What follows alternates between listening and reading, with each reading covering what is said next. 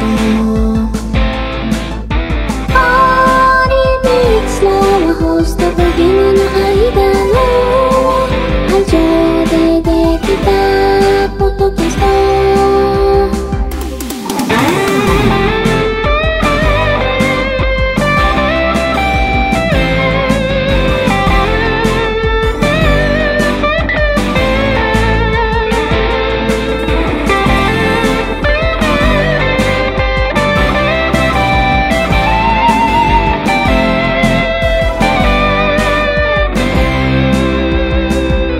Hjärtligt välkomna ska ni vara till Sveriges mest kärleksfulla tv-spels podcast Partypixlar med mig Robin och mitt emot mig sitter som vanligt Filippa. Hej! Hej! Tja! Och det är avsnitt 162 glömde du bort att säga. Ja, shit. Shit. Glömde jag det. Ja. Shit. Hur är läget då? Det är svajigt va? Ja, redan, så här inledningsvis. Nej men jag är lite sjuk. Så jag, jag hostar. I huvudet, menar du? Det är jag alltid. Men Ja. just nu har jag fått en släng av hosta och förkylning. Ja. Så du kommer ha jätteroligt att Du eh, kanske- redigera det här avsnittet. Du kanske har fått spunk, Ja. som Pippi... Eh, Eller hur? tar, som Pippi myntade. Spunk. Ja, Kom, spunk. Kommer de någonsin fram till vad spunk är för någonting? Ja, det är en nyckelpiga ju. ja Som så de, kanske det var. Ja, som de typ har målat på en. Jag vet inte. Nej. Jag minns, bara, jag minns bara den här scenen när hon går in och köper eh, medicin och han gubben inne på apoteket är väldigt... Han är väldigt förvirrad eh, och, och tror liksom att han hör röster först. För att Pippi når ju inte upp till, eh, till, till liksom disken där. Så han, så han tittar sig omkring förvirrat, vänder sig om, tar några piller och sen sväljer. Fyra liter medicin. Ja, men det var annorlunda på den tiden va? Ja, Alla barnprogram hade en släng vuxenhet i sig på Ja. något sätt. Det var Nej, inte jag- jag- riktigt barnvänligt. Nej, det, var, det är Inte riktigt barnvänligt. liksom. Nej. Jag tycker det är mycket med Pippi idag. Som är som olämpligt. är lite olämpligt. Alltså, så här, Ja! ja. ja, men det är så. Alltså, när jag säger det här till folk, folk tror ju att jag liksom har gått och slagit mig i huvudet eller någonting. Men jag har liksom ett bevis på att det är in, alltså direkt olämpligt för barn. Vad tänkte du på? För, alltså, för, förutom, nu pratar vi alltså inte om de här scenerna som är bortklippta då. då. Alltså Nej! tjing jag men- tjong, tjing tjing Nej, och nej, nej, nej. eh, n-ordet. Nej. Nej, precis. Mm. Utan jag menar det vanliga materialet. Hon är upprorisk, hon lyder inte auktoriteter, Mm. hon har ingen respekt för vuxna whatsoever. Och mitt främsta bevis på det här är att vår dotter tar efter Ja, Pippi. problematiskt. 100 procent. Hon säger, men jag, kan, jag får visst gå på bordet. För Pippi gör det. Mm. Ja, jo det är det. Plötsligt Ja. har Pippi gått och blivit olämpligt sällskap. Förstår du? Det är inkörsport va? Mm. Ja. Det börjar med en cigg. Jag tänker att hade Pippi funnits idag, alltså varit Jaha. en riktig människa idag, då hade hon ju varit en sån här uh, um, en gangsterrappare. Alltså, förstår du? Man ser ju lite parallellerna, det här med... Det, det kanske var väldigt långsökt Oj, sagt. too soon, säger jag nu. Nej, jag pratar absolut inte om, om några... De om senaste några, händelserna. Nej, absolut Nej, nej, inte. nej. Utan jag, jag försöker liksom prata generellt om... Ja, ja. om kritik mot samhället. ja, det är så lite du tänker. Exakt den infallsvinkeln jag ja. ville ha på det. Ja, men Ja. ja, absolut. Ja. Jag tycker ju synd om Prussiluskan. Alltså då vet man ju att man är gammal när man Ja, sym- sympatiserar med de äldre karaktärerna i en Astrid Lindgren-saga. Ja. Jag tycker Pippis pappa är en, en härlig jävel. Faktiskt. Ja, han känns bra. Men han glider in bara. Han bara Så glider han, in. han har liksom lämnat sin dotter själv i ett hus och han, han liksom så här, men hon klarar väl sig själv. Men hon är ju typ en häxa eller någonting. Det är min hy- hypotes. Ja, okej. Hon besitter ju uppenbarligen några övernaturliga krafter. Jo, men vi har hon kan lyfta ja. hästar. Mm, mm. Ja, och hon kan förställa rösten Ja, och en massa andra märkliga grejer. precis. Men det, det där ligger också lite i vår tid, att vi ska försöka hitta förklaringar på saker och ting. När Astrid Lindgren skrev det här, då är det så här, men det är en flicka som, hon kan allt. Det är liksom själva grejen. Men nu när vi är, sitter och tittar på Pippi typ 2021, då blir det så här, hmm, vi får bara Va, acceptera. har vi någon teori? Hon kanske är en häxa. Du vet, så här, vi, ja, Ja, det var nej, lätt, men- lättare tider förut. Ja, jo men det är det. Ja. Man får bara acceptera att det är vad det är. Ja. Vi hamnade på Pippi Långstrump. Det var ju ganska men långt ifrån. Robin, höj ja. ditt glas. Jag vill Jaha, dricka nu. okej. Vad dricker vi? Vi dricker Nynäsöl. Ankarudden Ossi. Stick, Pale ale. stick, stick to the local brews. Local Brews, Nynäshamns ångbryggeri. Mm. Yes. Inte sponsrat. Nej, inget sponsrat inlägg, men vill ni sponsra oss så skicka ett mail till oss. Man tycker att vi som ändå dricker rätt mycket jag har haft, alltså, jag har haft, jag har haft typ tre vita månader nu. Så att nu, men nu är, jag, nu är jag igång igen. Vet du vad, jag blev väldigt oroad häromdagen. Vadå då? Igår kväll faktiskt. Mhm. En av mina klasskompisar sitter och berättar, för vi sitter just nu med ett jättejobbigt arbete. Mhm. Och jag liksom så här skämtar lite, typ så här, får man dricka på en tisdag? Hehehe. Mm. Hon säger då liksom att, ja men som kvinna får du dricka högst nio enheter i veckan. Tänkte du då? Eh, för, för att eh, liksom, det inte ska räknas som ett beroende. Hos män ligger det på 14. Uff. Och det är liksom tisdag och jag är nere på sex enheter och bara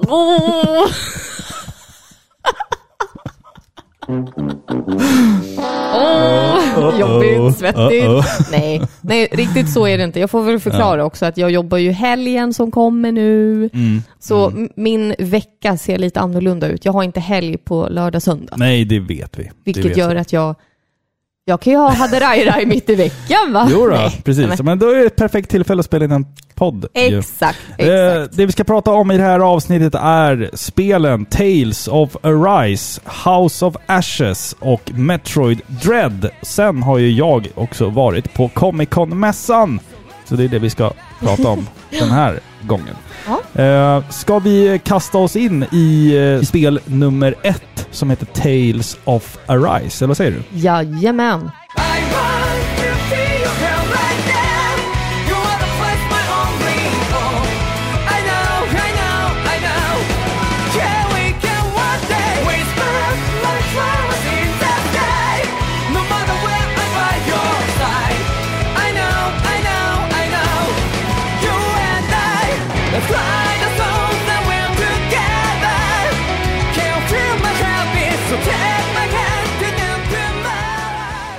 Tales of Arise, utvecklat av Bandai Namco, släppt 2021 till Playstation 4, Playstation 5, Xbox One, Xbox Series X och, och S. Mycket X där. Ja, mycket X, eh, precis. Och PC. Ett anime-inspirerat single player action-rollspel. Det där, rolls right off your tongue, som jag brukar säga, eller hur? Mm. Anime-inspirerat single player action-rollspel. Eh, jag ska förklara lite premissen då. Alltså vi tar oss an rollen som en man som kallas för Iron Mask. En ung slav i kungadömet Caliglia. Han minns inte vem han är, vart han hör hemma eller hur han ended up som en slav i det här lägret. Då. Det enda han vet är att han inte kan känna fysisk smärta. Som namnet beskriver så är hans ansikte beklätt av en järnmask som täcker hans ansikte fullkomligt också. Han är som den här Bullseye. Alltså, jag, alltså det, alltså, Bu- Bullseye? Heter han inte det? I, inte det Marvel? Nej, det är väl DC, DC. Ja, jag kan ingenting om DC. Men han alltså. heter väl det? Bullseye? Och kan det- inte känna smärta. Jag tänkte mig på den här lilla skitfilmen med DiCaprio. Mannen med järnmasken. Kommer du ihåg Nej, den? men det är ju... Eh, Det är väl baserat på en ver verklig händelse? Eller? Eh. Eller? Kung Päron tänker du på. Va? Kung Päron? inte det typ en päronsort? Nej. Vadå, fanns det alltså en kung Päron på riktigt? Ja, det fanns en kung. Vem är kung Päron? Nej, men- På riktigt? Jag, jag är fan... Det var någon fransk kung och den filmen med Leonardo DiCaprio. Ja, och de tre musketörerna. Ja, exakt. Det är mm. de tre musketörerna. Ja, precis. De kan du, kan du namnet på alla? Eh, vänta. D'Artagnan? Ah, nej, Jo. det är den sista. Jaha, okej. Okej, Stråbnis... Vänta, Porto, vänta, Athos, Portos och D'Artagnan. Jaha, okej. ja, Men jag minns var, inte. var man tvungen att säga dem i den Ar- ordningen också? Vänta, Artemis på... Äh, Men skitsamma. Okej, ja. Den här killen har i alla fall en, en järnmask på sig då. Eh, han blir också då del i något som kallas för The Crimson Crows, en rebellgrupp som planerar att störta regimen och frigöra alla slavarbetare i den här eh, Eh, regionen. Men de har också ett högre syfte än så. Och mitt under brinnande upplopp så påträffas också ett speciellt svärd bestående av levande eld. Ett mytomspunnet vapen vars kraft bara kan behärskas av den allra mäktigaste av krigare. Iron Mask känner ju som bekant då ingen smärta och plockar upp svärdet och beger sig ut på den här stora resan. Och det ska visa sig att han har tagit sitt första steg i vad som ska bli då en av de största och mäktigaste resorna i Tales-serien någonsin. På vägen kommer vi att sakta men säkert också få pusselbitarna till vem Iron Mask egentligen är och vad hans ultimata öde är.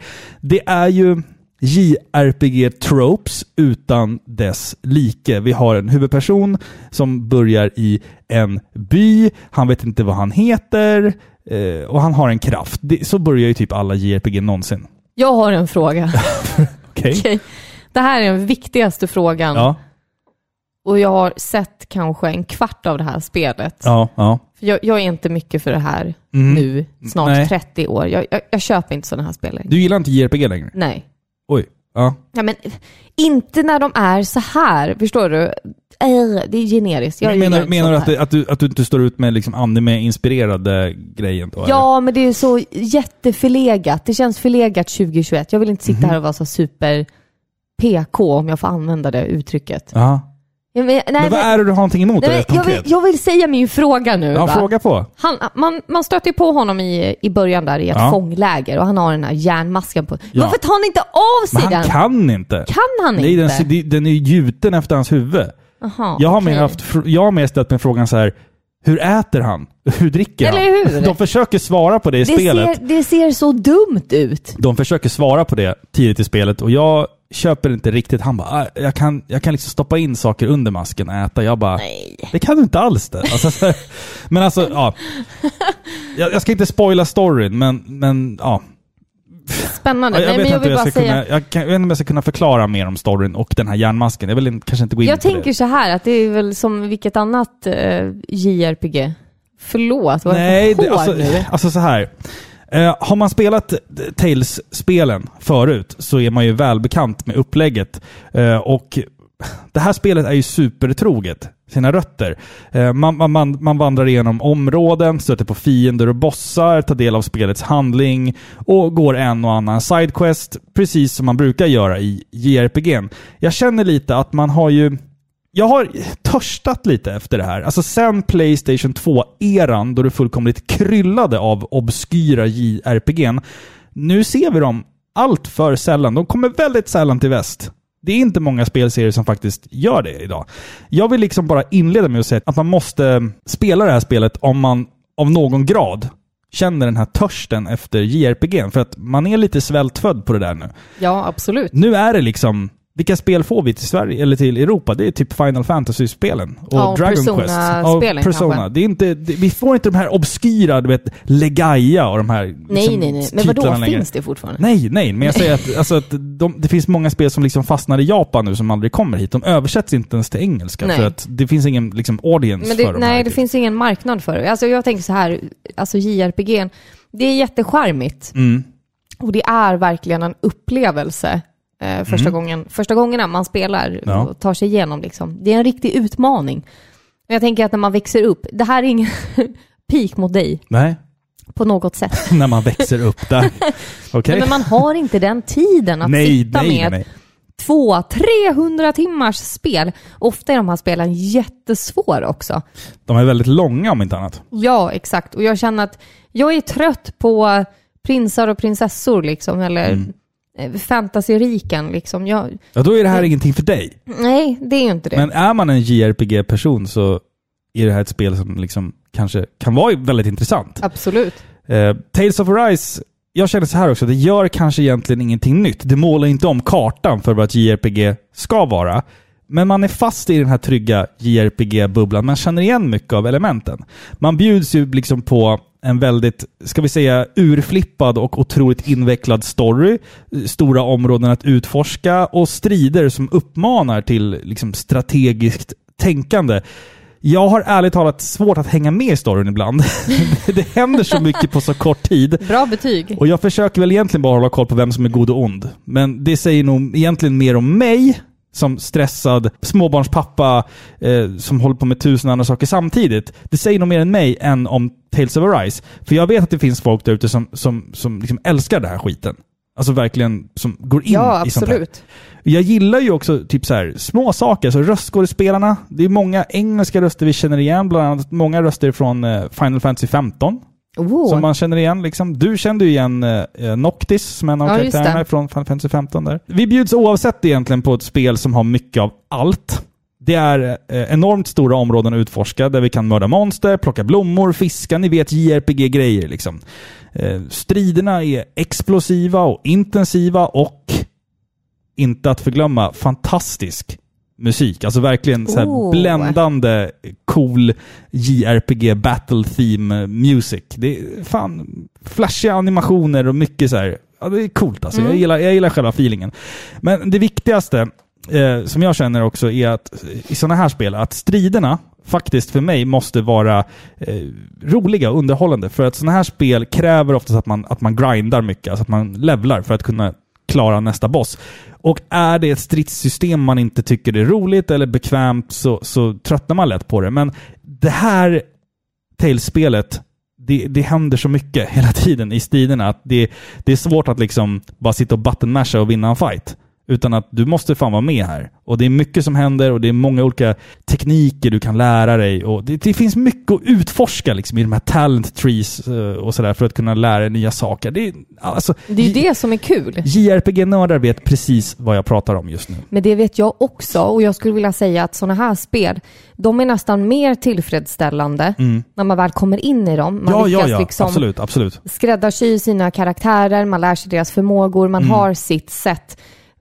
Känslan av att man sitter där, man har liksom lagt ut sin strategi, man klarar det liksom. Ja, ja, det visst. är Ja. otroligt givande. Och jag tänker att det går liksom inte att mäta det mot andra spel. Nej, nej, nej. nej, nej. Och det är ju lite nischat nu liksom. Men det, det är av samma anledning som man kan sitta i flera timmar framför ett så här, eh, pussel. Ja. Det kanske ser jättetråkigt ut, men det är kul för att det är liksom är tillfredsställande att komma framåt. Och så Jo, men exakt, är det. exakt. Men exakt. det jag inte gillar med sådana här spel är att de är så fruktansvärt... Förlåt, nu blir jag så här politisk. Nej men var politisk. Du får vara det för en gångs skull. Ja, men det är tråkigt.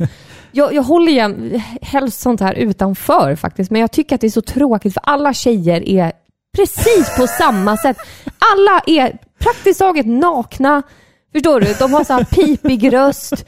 Jag fattar att det är så här japanska spel, Ja. de har den här kulturen. Ja, liksom. ja, ja. Det är en helt annan kultur. En helt annan Mm, kultur. De tycker typ att kvinnor ska vara så, jag vet inte. Men jag tycker att det är så tråkigt. Och så har vi liksom kontrasten, en, en värsta dominatrix liksom som är super... Ja, eh, precis. Ja, oftast är det så. Ja. det kan aldrig vara liksom balanserat. Liksom. Det är så här, åh, jag har sett Nej, det- de här är- karaktärerna ja. förut i typ 15-20 olika spel. Jag, håller vet. Jag exakt med vad som ska hända. Så om jag spelar ett sånt här spel, då gör jag det inte längre för storyn. Och då går jag emot mig själv, för jag har ju sagt att JRPG'n, det som är deras styrka är just storyn. Ja, ja, ja. Absolut. Att de har en fantastisk, välskriven story. Ja, Men då ser jag det här mer som en, en lång pusselresa. ja. Men jag, jag håller med dig om det här med, med hur, hur tjejer porträtteras i JRPG'n. Alltså, det, det är... Det är i vår del av världen lite problematiskt. Ja. För att de, många tjejer framstår som så himla oskuldsfulla och du vet allt det De är där. Och, sen, och, och, och precis, och sen har vi alltid någon brud som ska vara liksom the total opposite. Och då blir Ja. det liksom ett överslag på något sätt. Att Ja. det blir så här bara, det där känns inte allt, alls naturligt. Nej, Men det är också för att, ja, kulturella differences ja men det är väl stuff, det liksom. antar. Eh, Ja men du rekommenderar det det, här? det eller? känns alltså oavsett som ett, ett um, superfuturistiskt Tales of Symphonia. Alltså Tales of Symphonia är ju det första spelet av Tales-serien som jag spelade till, till GameCube, way back when. Och det här känns som ett, liksom, en futuristisk, spacad version av det spelet. Att genren ändå har kommit framåt utan att nödvändigtvis liksom ha vuxit ur barnskorna, eller vad man ska säga. Det är en bra grej tycker jag i det här fallet. Förutom kanske då det vi precis pratade om. Det tog 25 år av Tales-spel att komma hit. Det känns ändå liksom fräscht och det känns som att lite komma hem för en sån här JRPG-räv som jag kanske en gång var. Som jag kanske inte riktigt är än. Men det känns som att man hittar någonting i mig Um, när jag spelade det här spelet. Att just det, det var så här kul det var att springa in i en dungeon och levla och leta skatter. Det var så här kul det var liksom. Det var länge sedan jag kände sådär. Det var nog fan Nino Kuni senast som jag kände så med. Bra spel. Så om man gillar snygga JRPG med anime tropes så tycker jag att du ska testa Tales of Arise.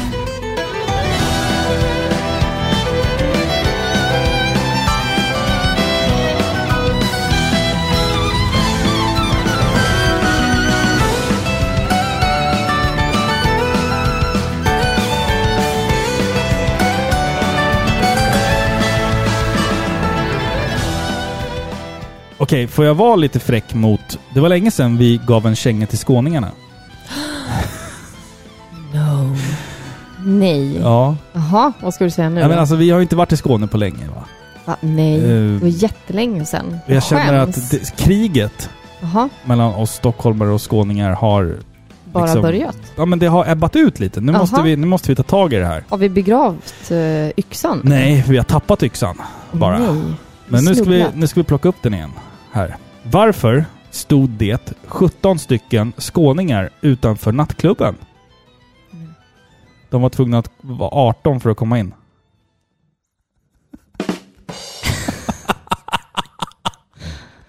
Ja. Ja men visst.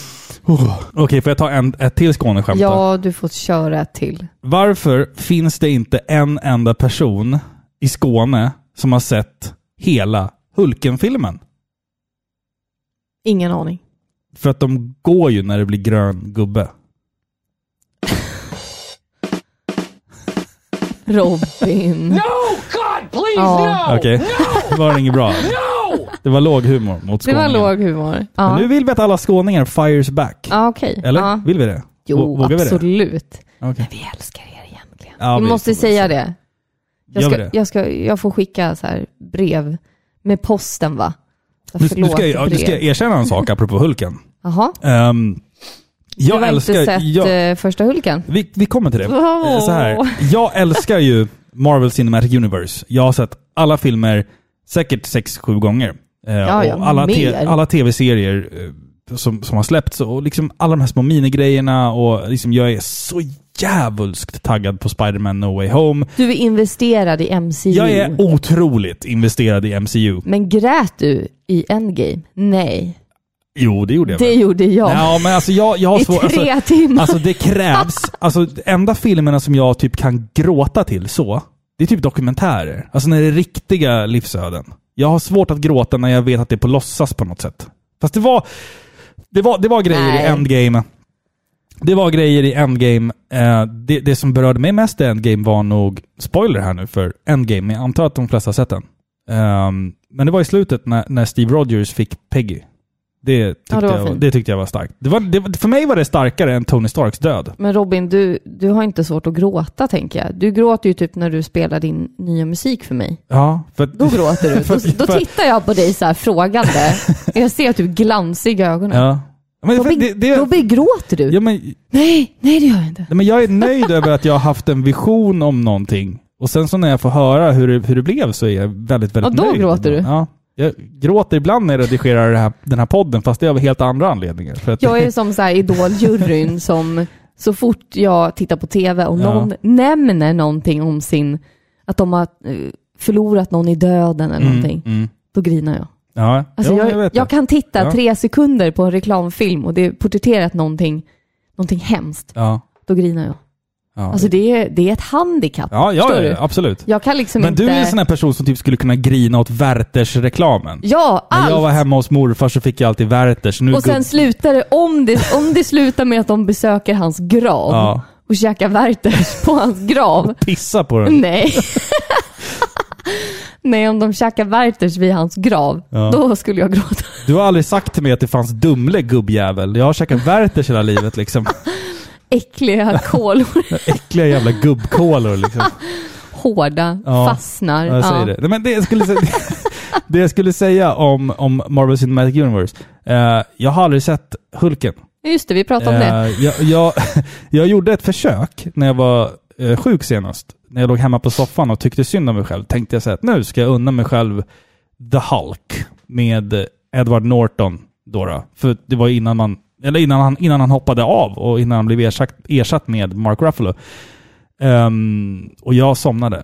Och jag bara, Ja. jag kan inte se det här. Alltså jag tycker inte att det, det är inte bra. Alltså det är inte spännande. Det är skitbra musik, konstigt nog. Asbra musik. och sådär. Men så här, den, den ger mig ingenting. Liksom. Då vill jag eh, skapa hets Jaha, nu. Jaha. Vilken, Jag ska- fil, vilken film är det inte du gillar? Du och jag var på bio. Ja, Eternals. Ja, Ja, spoila inte den nu, för den, är- jag den är ska ny. Ja. inte spoila den, Ja. men jag gillade inte den. Den, var anno, den var annorlunda.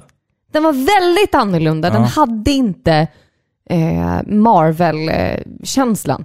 Nej, Så, alltså- så kan jag säga. Den hade Marvel-känsla, men, Nej, d- men d- den där, det där lilla magiska den hade inte. som, som gör Marvel till, från att vara skitbra filmer till excellenta, briljanta filmer. Den fattades. Det var fortfarande en jävligt bra film. Alltså det är ju svårt att skapa en film när du har helt nya karaktärer. Ja, det är det. Jag fattar Ja, det. det är- precis. Men vi har lyckats förut. Ja, Guardians of the Galaxy till exempel. Mm. De lyckades etablera hela den här eh, Marvel-känslan redan Ja. från början. Ändå! Förstår du? Det kändes konstigt i början att se en film som var från Marvel med karaktärer du inte känner. Du bryr dig inte om dem. Mm. Nej. Men de lyckades ändå. Eternals lyckas inte. Jag är ledsen, men jag står för det. Alltså. Shang-Chi var mycket bättre. Shang-Chi var skitbra. Mycket bättre. Mm, Ja. Ja, Men jag tror att Spider-Man No Way Home kommer sopa banan med allt. ja de blir bra. Ja, nu ska vi inte prata Marvel. Nej, nej, nej, nej, nej. Men när vi ändå är inne på det här med serietidningshjältar så kan jag kanske prata lite om att jag var på Comic Con i Stockholm.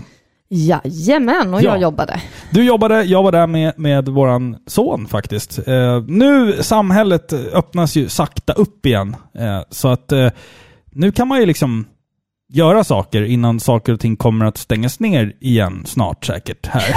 så jag passade på att glida in på Comic Con med våran son som sagt. Eh, Kistamässan i år igen. Eh, en sak som slog mig direkt när jag kommer dit, det är att det är mycket mer eh, spel än vad det någonsin har varit tidigare. Men vad kul! Alltså det var, det var ungefär samma mängd försäljare. Det var någon eh, ny försäljare där som sålde retrospel. Eh, men det var mycket mer så här, eh, Retrospelsmässan var ju där och hade ställt ut jättemycket arkadkabinetter. Så jag stod och spelade House of the Dead och jag, liksom, jag, hade, fan, jag, hade, fan, jag, hade, fan, jag hade feeling när jag var där alltså. Men känns det inte som att allting efter pandemin, eller jag säger inte efter för vi är fortfarande mitt i, Ja, typ. men efter att restriktionerna har släppt lite, som att folk lever ut på ett helt annat sätt nu än vad de gjorde tidigare. Ja, det är klart. Alltså, Eller hur? alltså, vi har ju haft liksom julbelysning uppe sedan början på november. så att det...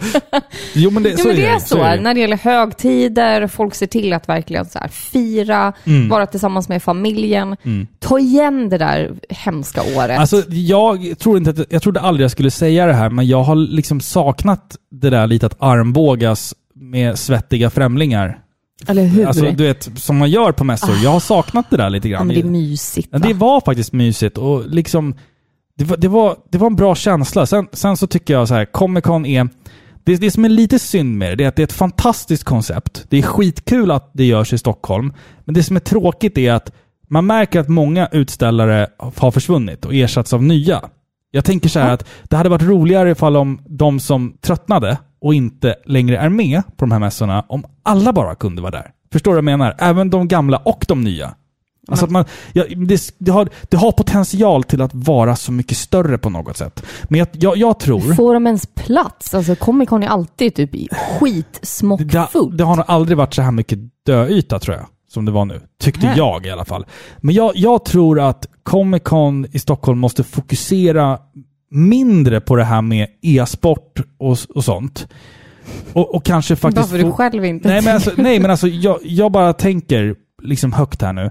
Kanske få tag på någonting som gör att det blir exklusivt. Kanske kan... Jag förstår att det kanske är skitsvårt att göra det i Sverige, men att kanske man kan visa någon exklusiv scen ifrån någon kommande. Marvel-film kanske? Film, för de, har, de har ju samarbeten med, med liksom filmbolag och sånt. Ja, liksom. men absolut. Man kanske ska göra. Ja, men göra, precis, det behövs dragplåster. Visst, vi hade kändisar där, som, som alltid. Den här gången var det ju Felicia Day, eh, Evander Lynch, eh, eh, Sean Austin, Åh! Sam. Alltså jag är så ledsen att jag inte kunde träffa honom. Jag älskar ju Vet vad? Samwise Vet Gamgee vad? och du hatar Vet vad- honom. vet- det är vet- liksom vet vad- kodat i jag, dig. Jag tänkte på dig när, när, när jag satt backstage i VIP-loungen och han bara gick förbi mig, precis framför mig. Och jag sa ingenting. Jag tänkte så här, nu skulle Filippa varit här, när hon, och så bara, nu skulle hon bara veta att jag dissade Nej. Sam. Han gick precis framför mig. Men det är någon meme som säger det, typ att folk eh, har, har känt igen honom i andra filmer Ja. och bara Åh, det här är ju killen från Stranger Things. Och man bara Fuck off! Han gick inte till Mordor och slogs för sitt liv för att bli igenkänd som killen från Stranger Things. Nej, han gick till Mordor med ringen för att han var en tönt. Nej! Jo. Han är den enda som, kan, som har burit ringen Ja. utan att fördärvas av Ja. den. Det du, Ja. Samwise Gamgee, han är hela Tolkien-universumets största hjälte. Nej, det är han faktiskt Who's inte. with me? Nej. Kom igen. Vet du vem som är den största hjälten? Inte Frodo. Nej, Nej, det är, det är Gandalf. Jo, han blir det- också... Ja, men, han kom igen. dör ju till och med. Gandalf och Gimli hade kunnat gjort det där själva. Gimli är också bra. Ja, Mm. han, han är bra faktiskt. Vi kan skippa de andra. Legolas tyckte jag var... Jag tyckte Legolas var cool när jag var typ 15-16 år sådär, men... Jag vet inte. Inte min grej bara. Jag drömde drömmar om Legolas. Jag vet det. Men det, alltså, alltså... Jag har alltid fått för mig att du, att du gillar hans look mer i Pirates. Alltså Orlando Blooms look. nej, nej, nej, nej. nej. Du är mer för det här uh, nordiska blond... Nordiska? Ja, men alltså lju- ljust hår och... alltså jag var ju typ... Jag var är ju det typ bara jag som ser alverna som så här nordiska? Alltså så blonda och blåögda och liksom sådär, de, eller? Alltså jag ser inte att de har någon etnicitet överhuvudtaget. Alltså, Men det finns väl olika alver? Ja, det finns det. Ja. Det finns väl mörkeralver också? Eh, Ja, jag tror det. Jag, jag vet inte. Finns de i Tolkiens värld? Jag vet Jag vet inte heller. Jag, kan, Jag jag vet vet inte vad jag pratar om. Nej, men jag, jag kan gill- jag, bara ingenting gill- det. jag gillade sånt på den tiden Ja, va? det vet vi. Ja. Du kunde alviska och wow, wow, wow. Jätteduktig. Nej. Nej, nej. Mellon. Nej, jag vet inte. Jag, jag, alltså, jag, jag ville bara i alla fall att du skulle veta att jag liksom aktivt dissade honom. Eh, Det är viktigt för mig att, att du vet att jag aktivt inte... Ja, men kul. Ja. Någon som jag däremot träffade, Jaha. det var min kompis Tomu. Ja! Vem är Tomu? Tomu är ju en av de största youtubersarna, säger man så, i Sverige. Ja. Eh, alltså med, inriktad på, på barn, underhållning. Han sitter och spelar Roblox. Och så kommenterar han och är... Ja, men han, han, är, han är sin karaktär Tomu liksom. Varenda unge i ålder 6 till 12 år Ja. älskar Tomu. Ja, jag, jag, Och han typ, är ganska typ. barnvänlig och han är rolig och han spelar med och bla bla bla. Han Ja. har dykt upp i barn-tv och sådana saker. Ja, han, Alla han, är ju, vet alltså, vem han är. han är ju den moderna barnstjärnan. Alltså, Ja, ja, eh, han, han, han är ju Tobbe Trollkarl för den här generationen. Ja men det är ju så alltså. Ja, han är bättre än Det Tobbe är ju så. Ja, men Tobbe Trollkarl han kom fram där och drog upp någonting ur hatten. Bara, wow, wow, wow. Sen har jag hört att han var ett jävla svin privat. Oj, När han... eh, oj. Ja, Aha. ska, jag berätta en Nej, rolig historia om nej, Tobbe Trollkarl? Jo, jo, men så här. Jag vill här. inte. Tänk om det här kommer ut Robin. Nej, det här utspelar sig år... Två... Ingen får säga något. Nej, det här utspelar sig år 2003 ungefär tror jag. Tänk om han lyssnar på det. Det hoppas jag inte att han gör. Eh, och 2003, då, då sommarjobbade jag på eh, en, en mack i vår stad. Och då hade jag en kollega som var ihop med en tjej eh, på, på, som också jobbade på TV4. Jag minns inte vad hon hette, men hon var i det här barn, eh, Lattjo på morgonen där. De var ihop alltså, de hade varit ihop. Och så, så pratade jag med honom om, om det, liksom så här att, ja men vad fan, ni är inte tillsammans längre eller? Hon bara, nej. På en firmafest så gick ju hon och med den där jävla trollkaren. Nej, Jag bara- Robin. Jag bara, vem då? To Tobbe Trollkarl? Ja, precis. Han snodde min tjej. Nej. Jo, jo, Han visst. eh, worked some magic there. Japp. Så att, eh, fast det här var ju alltså 2003 kanske. Då, så Och jag du ska- vet inte om det är sant. Jag, kan- jag kan inte bekräfta det. Jag har Nej. inga källor liksom. Nej. Men det- jag har bara hört skit om... Annat om än en mackbekant. en, en bekant som jag lärde känna på en mack i Nynäs under en sommar. Trovärdigt. Ja, det är inte den mest reliable source jag har haft och det kanske inte är min bästa anekdot genom alla tider, men jag har hört att Tobbe Trollkarl, han, han trollade mycket på TV4 där med Med kvinnorna. kvinnorna där. Ja, precis. Men det var inte, det var inte Tobbe vi skulle prata om, det var Tomu. Ja. Våran son var out of this world, vad lycklig han var. Kön Ehm, gick väl runt hela Oj. lokalen? Jag har aldrig sett så mycket barn i hela mitt liv.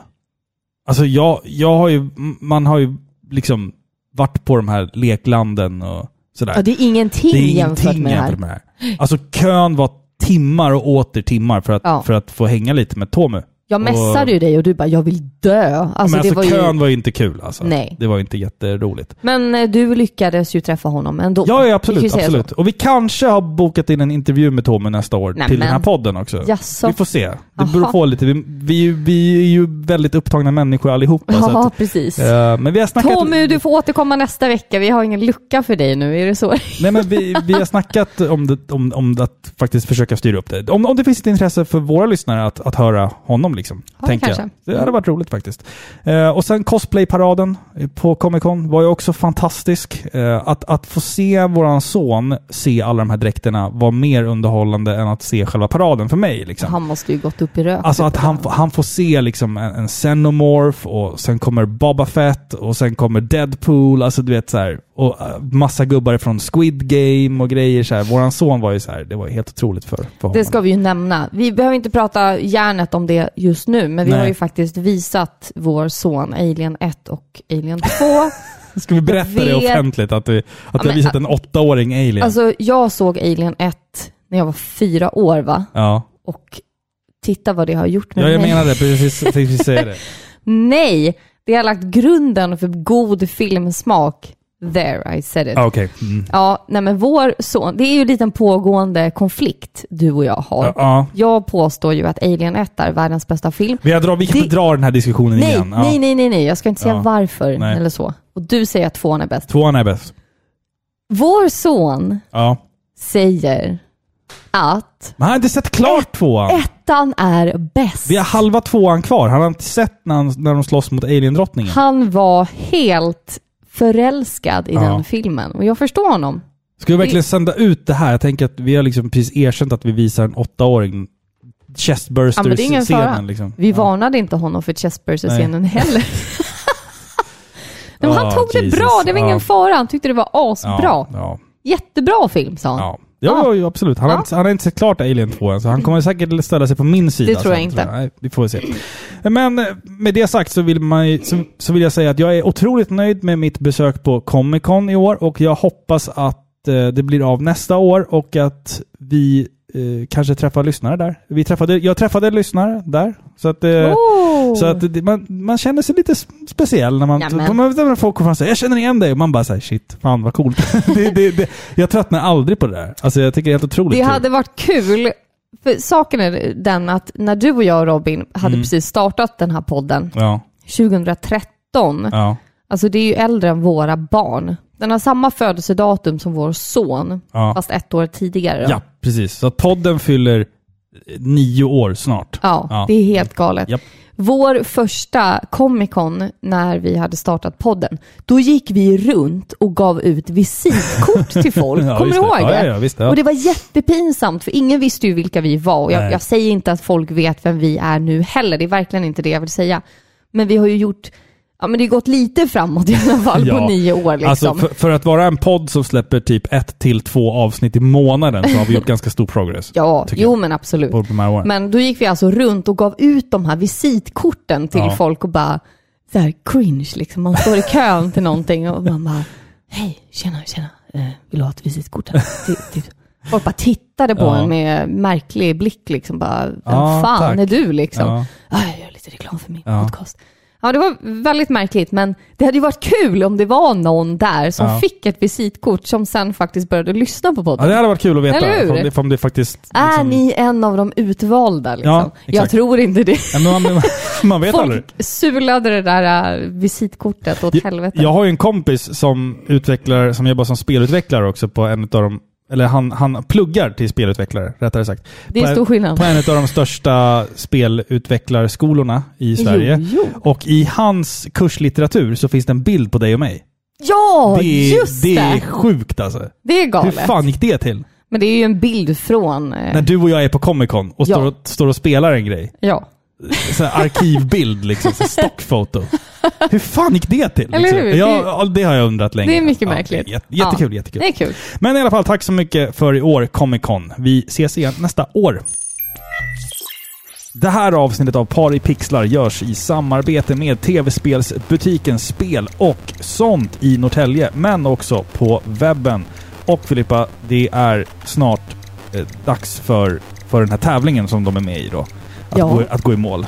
Vilket de kommer göra. Ja, Spela sånt ska gå Ja. i mål och vinna. Ja! I år igen alltså. Ja! Ja. Förra avsnittet så pratade vi om den här scenen i Avengers Endgame när portalen öppnas och, eh, och alla liksom glider in där till den här pampiga musiken. Och vi, vi vill ju också liksom att våra lyssnare ska vara den hjälpen för spel och sånt. För att de har vunnit en gång, de kan vinna igen. Liksom. Lite Ja. som, ja, men som i Avengers. Liksom. Är vi Avengers nu, tänker du? Menar du att du och jag är Steve Rogers? Jag Som- är Tony Stark. Du, du kan vara Captain America om du vill. Vilken, vilken Avenger hade Peter varit? Captain America kanske? Ja, Okej. Och Borka då? Vilken Avenger hade Borka varit? Jag vet, jag tror jag vet en som... Jag, jag tycker att Borka har lite Starlord-aura. Starlord, ja men det, ja, det håller jag med om. Ja. Lite humor, lite så här. Men lite så här popkulturellt bevandrad. Ja, liksom. exakt! Mm. För han citerar ju ofta många så gamla låtar. Och filmer och popdingor Ja, filmer. jag säger det också. Ja. Ja. men det är det ju. Så att då har vi alltså vårt Avengers-team. Men vi behöver Pixelplutonens hjälp. Ja. Så att om du någon gång har handlat på spel och sånt och är nöjd, gå in på deras hemsida och ge dem det bästa möjliga betyget du kan göra. Så, Ja. hopp, så hoppas vi att spel och sånt går vinnandes genom den här striden i år igen. Det stämmer och tävlingen avslutas 30 november. Så in nu! In nu! Vi hörs snart. Ja, det gör vi. Tack, Tack. till Spel och sånt. Ja.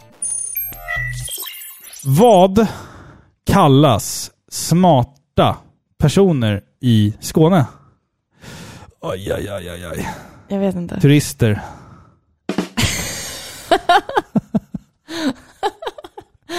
Nej. Och jag hörde också en annan grej också. Jag hörde sånt jävla roligt din mamma-skämt idag. Som jag tyckte Aha. var jättekul. Eh, Jorden var platt tills man begravde din mamma.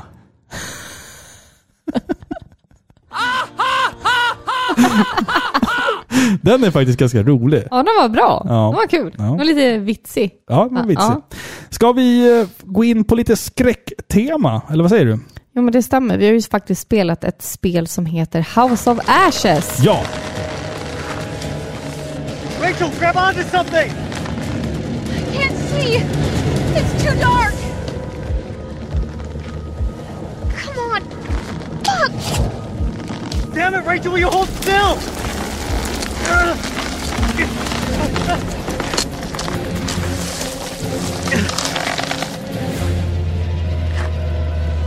I'm so sorry, Rachel.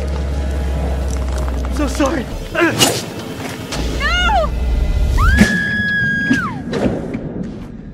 Ska vi köra? Mm, lite, kör. lite story. Ja. Ja, är du beredd? ja, nu- ja, du försöker toppa din Hellraiser...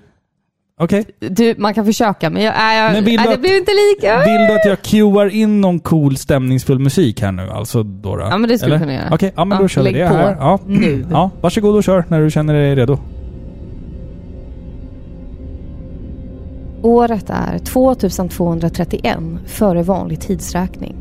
Den akadiska kungen har lett sin armé i krig mot nomadfolket gutier och landet står splittrat och härjat av både hungersnöd och sjukdom. Mitt i allt elände har kungen drivits i vettet och avrättar nu gutiska fångar på rullande band för att blidka gudarna. I ett sista försök att rädda sig själv har han dragit sig tillbaka till sitt underjordiska tempel i hopp om att slippa undan de aggressivt bankande händerna på tempeldörrarna.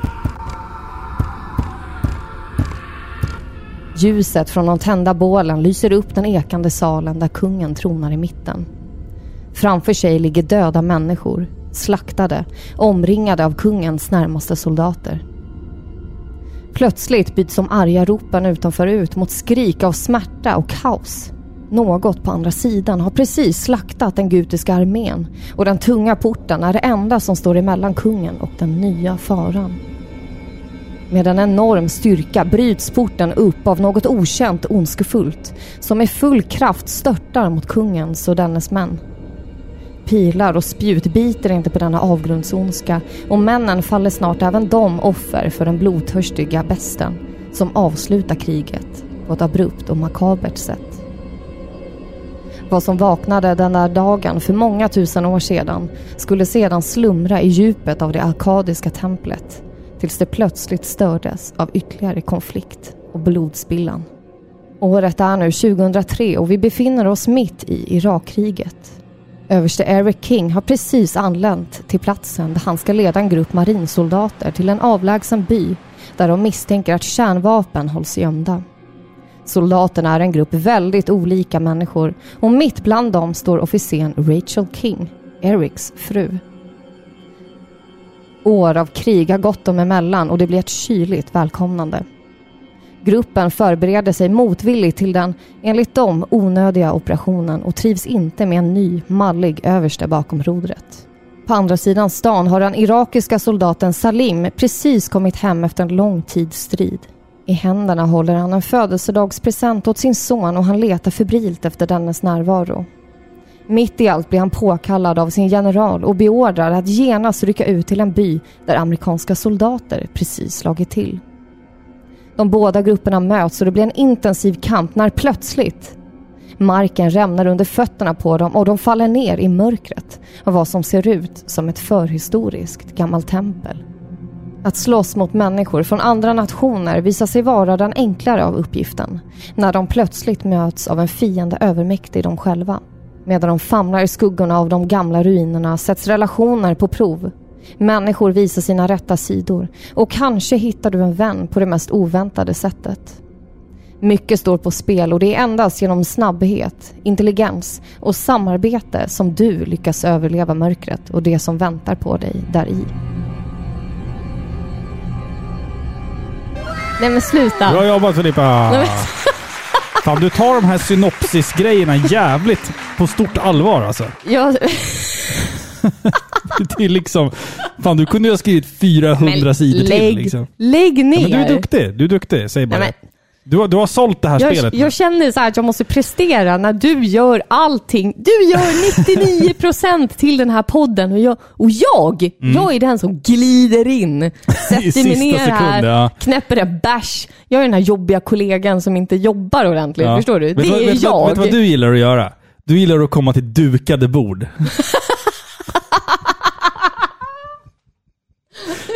Och det är jag. Ja, det är du. Det är jag. Det ska vara färdigt när du kommer. Eller hur? Liksom. Du ska bara Annars sätta dig ner och Annars tugga blir i jag så här dig. upprörd och Ja. så brölig. Ja, jag säger det. Vad fan är det här? Vad fan är sillen? Men det ska vara dukat och klart när du kommer. Liksom. Ja, absolut. Eh, House of Ashes i alla fall. Supermassive Games nya del i The Dark Pictures Anthology som då utger sig för att vara något i stil med en interaktiv skräckfilm där du som spelare ställs inför svåra val som då påverkar spelets framfart och handling. Eh, Vi har ju spelat massor av de här tidigare spelen i den här serien då, som då började med Until Dawn. Men som inte är en del Nej, Until, av... Dawn, Until Dawn är fristående, men sen Jajamän. har vi ju tre spel till. Och vi spelar ju de här spelen för att vi oftast tycker om den här typen av spel, eller hur? Ja, absolut.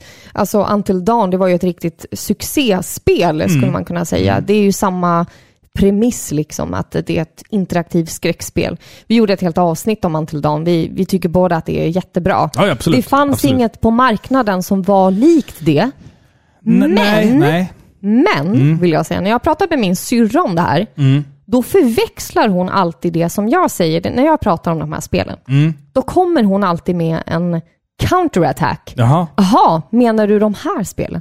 Det finns en annan serie spel Jaha. Som har samma premiss som vi måste kolla upp Robin. Vad är det för någonting? De heter typ så här Plague, eh, Plague Story eller Plague Aha. någonting. Ja, det har jag ingen som aning har det här Ja, upplägget. Okej. Mm. Bara en liten Ja. fotnot Okej, va? okej. Ja, fotnot. Ja, Eh, men vi har ju spelat tidigare Man of Medan, eller du har spelat det ja tidigare. Man of Medan. Det är alltså egentligen det första i The Dark Pictures Anthology. Ja. om man säger så. Eh, och sen finns det ett spel som heter Little Hope. Ja, Det precis. har du och jag inte spelat Nej, än. det har vi kvar att spela. Det, har vi kvar Det stämmer. Mm, Precis. Um, alltså frågan är egentligen om man, om man kanske så här, börjar tröttna lite på det här. Och mitt svar på den frågan är faktiskt nej. För att jag gillar den här typen av cinematiska spel. Och det har jag gjort sedan allra första gången jag spelade Quantic Dreams Heavy Rain. Oh, Det ja. här är ju liksom en genre nu med spel som, som vi nämnde tidigare här då. Men också spel som eh, Life is Strange, The Walking Dead, The Wolf Among Us. Alltså det här är ju en det är inte det, är inte det att man återupprepar samma sak, utan det här är ju ett, en ny typ av genre. Det här med cinematiska spel som, som, där du tvingas göra val som, som påverkar handlingen och du måste fundera liksom. Det, förstår du vad jag menar? Det, det, här, det är ju mer bara att de här spelen, de kopierar ju inte varandra, utan det här är ju en ny genre. Ja, ja, absolut. Det är väldigt viktigt att poängtera. Och det som jag tycker är viktigt med den här typen av spel, det är att de suddar ut gränsen mellan en hardcore gamer Mm. och den här äh, personen som kanske aldrig spelar spel. Ja, exakt, Alltså exakt. Det, det, det är väldigt svårt att få, jag vet inte, David 43 som aldrig har rört ett spel förutom Ja, eh, Fifa, Ja, ja. att mm. faktiskt sätta sig ner med typ ett JRPG. Alltså förstår du? Det går ju inte. Han Nej. kommer aldrig köpa det. Nej, förstår du? nej. Men att istället i hans händer sätta en sån här filmat, filmisk, Mm, förlåt, cinematisk upplevelse som fungerar som ett spel fast det är, alltså huvuddelen är ju cutscenes. Mm, Det är ju mer lockande. Det är en inkörsport. Det är en inkörsport, Det är absolut. andra gången ikväll jag använder det ordet. Ja. Ja, Men det, det, det här är siggen till eh, det är det. heroinet. Ja, det här, det här är liksom spelvärldens... ehm, om vi säger att mobilspel är SIG, som du säger, eh, då, då är det här liksom... Det här är en femma brunt. Det här, ja, det är... Fan, hur kan du bara kasta det med sådana där termer? men det vet väl alla? Jag, jag, jag är så obevandrad i droger. Jag kan ingenting om sånt där. Du är uppvuxen i Orten. orten, det är så. Så det kanske var där du lärde dig allt det där. Jag vet inte. Men, Nej, det var eh, inte. men om vi ska prata om, om House of Ashes so- som, som ett, ett spel då i den här genren av cinematiska spel. Eh, det, är ju, det, det är ju ungefär som de tidigare spelen då, Little Hope och Eh, Man of Medan. Att det är en story, du tvingas göra val. Du kan spela det online med en kompis. Det är väl Vilket- nytt? Nej, det kan du göra i, i Man of Medan också. Okej, mm. Eh, och det, det tycker jag kan vara lite kul, för då kan man sitta i varsin soffa i varsin lägenhet och fortfarande liksom dela upplevelsen. Sådär. Ett det, det, LAN. Ja, men det är typ ett LAN. Man ska ta sig igenom den här, den här berättelsen tillsammans. Och man liksom går runt och utforskar och tvingas göra val åt den andra karaktären ibland. Och Aj, liksom, sånt, där, sånt där kan vara kul tycker jag. Ehm, sen tycker jag att det här spelet nödvändigtvis inte gör någonting nytt, förutom att det är liksom nya karaktärer, en ny handling och en ny plot twist. I filmens värld så strävar man ju inte efter att uppfinna hjulet varje gång man producerar en ny skräckfilm. Och lite så är fallet här också. Man vill att folk ska liksom bita på naglarna och tycka att det är en, liksom en otäck upplevelse bara. Det känns svårt att till den här genren då liksom lägga till nya element och, och nya, nya liksom sätt att spela spelen. Ny, det, det, det, det, for- Gameplay är begränsat. Ja, formatet kommer ju... Jag tror inte att formatet kommer kunna växa så mycket mer än så här. Jag håller Eh, med, för det får inte bli för svårt, för då har det Nej. liksom undgått sitt syfte Ja, på något exakt. sätt. Det, Det- man kan ändra här, det är ju liksom spelets upp... Det är liksom själva upplägget och handlingen och, och karaktären och sånt. Liksom. Det kan du ändra hur mycket du vill, som en film. Liksom. Men jag har ändå respekt för det. Alltså jag, jag är helt okej med att alltså fokus ligger på att få uppleva spelets handling Ja, som skapas av dina val. Ja, exakt. Det är ju det som är grejen. Och gameplaymässigt, ja, alltså vi får utforska lite, vi får styra karaktären och gå runt och prata med folk och sådär. Men actionmomentet är i stort sett bara quicktime events. Ja, Förstår du? Det blir sällan svårt. Det är inte, alltså det är inte svårare än så. Förstår du? Det här är ett spel som man ska uppleva som en film. Ja, exakt. Det exakt. är det som är grejen. Ja. Och, alltså, jag är helt okej med det, men det lägger ju större eh, liksom, vikt på handlingen. Mm, mm. Det måste vara en handling som verkligen fångar in dig som spelare. Det måste vara värt att lägga ner sin tid på. Och, det- med det sagt, det tog väldigt lång tid för mig att komma in i det här spelet. ja, det är segt i början. Alltså det, det är inte långt, men ändå så behövde vi ett par sittningar för att avsluta det här spelet, för jag somnade hela tiden. Alltså, Men speciellt inledningsvis alltså. ja, Då var det långsamt. Ja. alltså innan det drar igång och fokus mest ligger på att man ska lära känna de här karaktärerna, den här Mm. etableringsfasen. Och den är tråkig. Ja, men det är jättetråkigt. Det är väldigt långsamt. För det här är ju ändå ett spel som handlar om att du bygger upp eh, dina val Mm. och du bygger upp relationer med dina karaktärer. Eh, I menyn till exempel så kan du se dina olika karaktärer och du ser vilka egenskaper som de besitter som är mest belysta, som liksom lyser upp mest. Om din karaktär är självständig eller om den är Osäker osäker. eller, ja. Alla de här liksom framkommer olika beroende på hur du har valt att svara och agera i olika situationer. Mm. Så jag förstår att den här etableringsfasen är jätteviktig. Den behövs ju, men den är ganska långtråkig också. I det här spelet så gjordes det väldigt tråkigt, för jag menar de är på en... De, de hamnar i den här situationen, liksom, i den här grottan väldigt fort. Mm. Eh, och då är de där de är, de är stressade allihopa. Alla vill egentligen bara ut därifrån, så alla Mm. har samma mål. Det gör att den här etableringsfasen bara blir liksom, tråkig. Ja, mm. De är inte i sina lugna, vanliga element. Förstår du vad jag menar? Ja. Eh, och, och man vill ju heller liksom inte skippa några dialoger. Nej, nej, För jag nej, menar, nej, för, precis. för allt du säger kan ju faktiskt låsa upp nya vägar och val för dig att Mm. välja senare. Jag har ju gått på djupet lite i det här spelet och sett hur mycket olika alternativ det finns. Och alltså, spelet, spelets slut, som vi såg, skiljer sig väldigt mycket från andra saker som jag har sett. Jag tror aldrig att den här spelserien har varit så ambitiös när det kommer till att um, skräddarsy historien. Alltså att saker och ting kan se helt annorlunda Aha, ut. spännande. Från, från vad vi spelade och upplevde.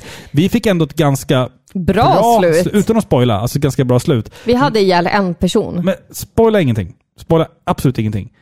Eh, men, men jag har sett lite playthroughs och grejer där, där folk har fått helt, helt fullständigt annorlunda upplevelser än vad vi fick kan jag säga. Så att det är ju liksom ett, ett enormt stort spindelnät av händelser och scenarion som kan utspela sig på olika sätt i det här spelet. Och det tycker jag är kul att man Typ som om man, om man kollar på den här spelgenren i sin, sin linda, Heavy Rain, saker och ting kunde sluta på liksom att ja, men du kunde ha en karaktär vid liv i slutet eller alla fyra. Det fanns typ tre olika sätt. Ja, precis. liksom. Men alltså i det här så är det långt många fler olika slut och scenarion som kan inträffa. Liksom. Vi får ju heller inte glömma bort att de här spelen, precis som eh, eh, Until Dawn, eh, har ju lagt ner väldigt mycket energi på motion capture. Ja, exakt. Och i Ja. det här spelet, eller vi kan säga så här, i alla spel så har de någon form av riktig kändis. Ja. Liksom. Eller alla karaktärer är ju motion cappade. Ja, ja, visst. Ja. Eh, det är skå, riktiga skådespelare. som, Riktiga ja, skådespelare. Med röst, röster och rörelser. Ja. Precis. Eh, och i alla spel så är det väl någon kändis som får Mm. vara med. I det här spelet så har vi ju den här, kan vi kalla henne för detta Disneystjärnan? ja, Ashley Tisdale. just det. Mm. Hon har väl varit med i någon så här High School Musical eller något sånt Jag har där. ingen aning. Det är hon som spelar rollen som Rachel King. Mm. Och jag tycker att, om jag ska säga något negativt om det här spelet så är det att det varierar i kvalitet på Ja. animationerna. Mm, mm. Hon var stundvis jätte, jättebra. Ja, ja, men också väldigt uncanny. Men väldigt uncanny. Ja. Alltså, hon har ett speciellt utseende. Hon Ja. är skitsnygg, alltså, jag säger inget om det, men hon har ett speciellt utseende. Mm. Och det var i vissa vinklar som det blev väldigt uncanny. Liksom. Men- det såg inte bra och ut. Medan vissa karaktärer såg helt jävla fantastiska Ja, ut. Alltså det var vissa verkligen var så här riktigt, riktigt bra. Man bara, bländande vacker shit, grafik. shit vad bra, de har lagt ner energi på det här och andra såg ut som blaj liksom. Ja. Det där störde Men vi, mig. vi kan ju enas om att miljöerna ändå var otroligt... Alltså jag satt och tittade mer på miljöerna än karaktärerna. Alltså jag ska säga så här, jag tycker att miljöerna är tråkiga i början. Ja, det är de. Du är i en men, grotta. Ja, men ja. Mm. Ja, Men det, det blir ju mer intressant ja sen. det blir Och- och det- intressant ja. i slutet. Mm. Jag, jag, ska vilja, jag vill ändå säga till er som ändå uppskattar sådana här spel, Mm. eh, liksom cinematiska spel där det är, det är inte så jättemycket gameplay, det är inte jättesvårt, men man Nej. är in it for the, Story. The story, och, ja, precis. liksom. Dramat. for the ride. Mm. Liksom. Ja, eh, ge det här spelet en chans för att det är lite trögt i början, men Ja, det det. gör dina val. Alltså bara håll ut, för det är ett väldigt spännande slut, så det kan man blir, ju säga. ja, det blir, det blir väldigt... Alltså det finns en twist i det här spelet. Utan att spoila någonting. Jag älskade twisten i det här spelet. Ja, men jag tycker Alltså också det var det. Verkligen det var det, var, det var så oväntat, Ja. tyckte jag. Att man bara sa wow, okej, fan vad coolt. Alltså jag gillade verkligen twisten jätte, jätte, jättemycket i det här spelet. Och vissa av de här dialogerna, alltså alla karaktärer är ju olika. Vi har ju som Mm. sagt, vi har de här amerikanska soldaterna, Vi har den här irakiska soldaten Salim Ja. till exempel. Alla hamnar ju på olika platser i templet. Mm. Och de kommer ju mötas eh, förr eller senare i templet liksom. Och jag tycker ändå att man tänkte så här, okej, jag vet vad som kommer hända. Men det var väldigt bra skrivet, tycker det, jag. Ja, det inleds ju som, som en kopia av filmen The Descent, som du gillar. Ja. Och det slutar någon helt, Någon helt annanstans. annanstans. Alltså, jag gillade det Ja, som ja, fan. men jag, ja. jag tycker ändå att karaktärerna, eller säg så här, vissa karaktärer Mm. och vissa relationsspår som man kan utforska är väldigt välskrivna. Absolut. Så. Absolut. Ja. Det kändes liksom naturligt Mm. och balanserat, dialogerna liksom flöt på bra. Bra skådespel. Bra, bra skådespel, Mm. precis. Medan andra, vi satt ju och bara, va?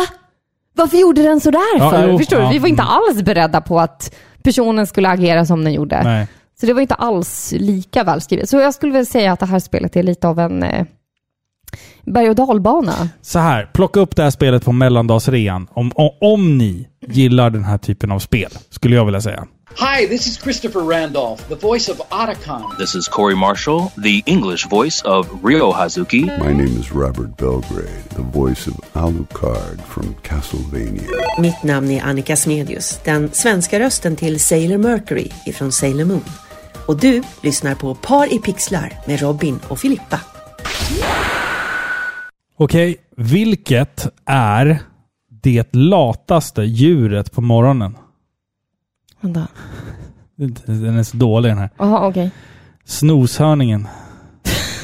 förlåt. Förlåt. God, please, no! Förlåt, förlåt, förlåt, förlåt. Förlåt mig mina synder. Jag försökte faktiskt hitta skämt till det här avsnittet. För att men- kontra mina menar du? Ja, men liksom komma med lite Ja. kul. Det är omöjligt. Men jag vill liksom inte googla pappaskämt, för jag vet att det är, det är det du har gjort. Jag googlar lite. Eh, Och sen har ju din handbok. sen har jag min handbok. Ja. Eh, och sen så, så har jag ju också kollegor på mitt jobb där, som, har, som lite delar den här känslan för extremt usel humor. Så det är väl dem jag ska Jaha. tacka. Det är mina sources. Ja. Lite grann. Sen finns det andra sources också, men det, de håller jag ju såklart för mig själv. De tänker jag inte sprida med vinden så här. Ska vi prata om det sista spelet för ikväll som är Metroid Dread? Eller vad säger du? Mm. Åh, det här har folk väntat på. Jag har mycket anteckningar. Oj, oj, oj. Ja, jag ska försöka beta av det här nu. Då tar jag en snus och lutar mig tillbaka Ja, då. men det kan du typ göra.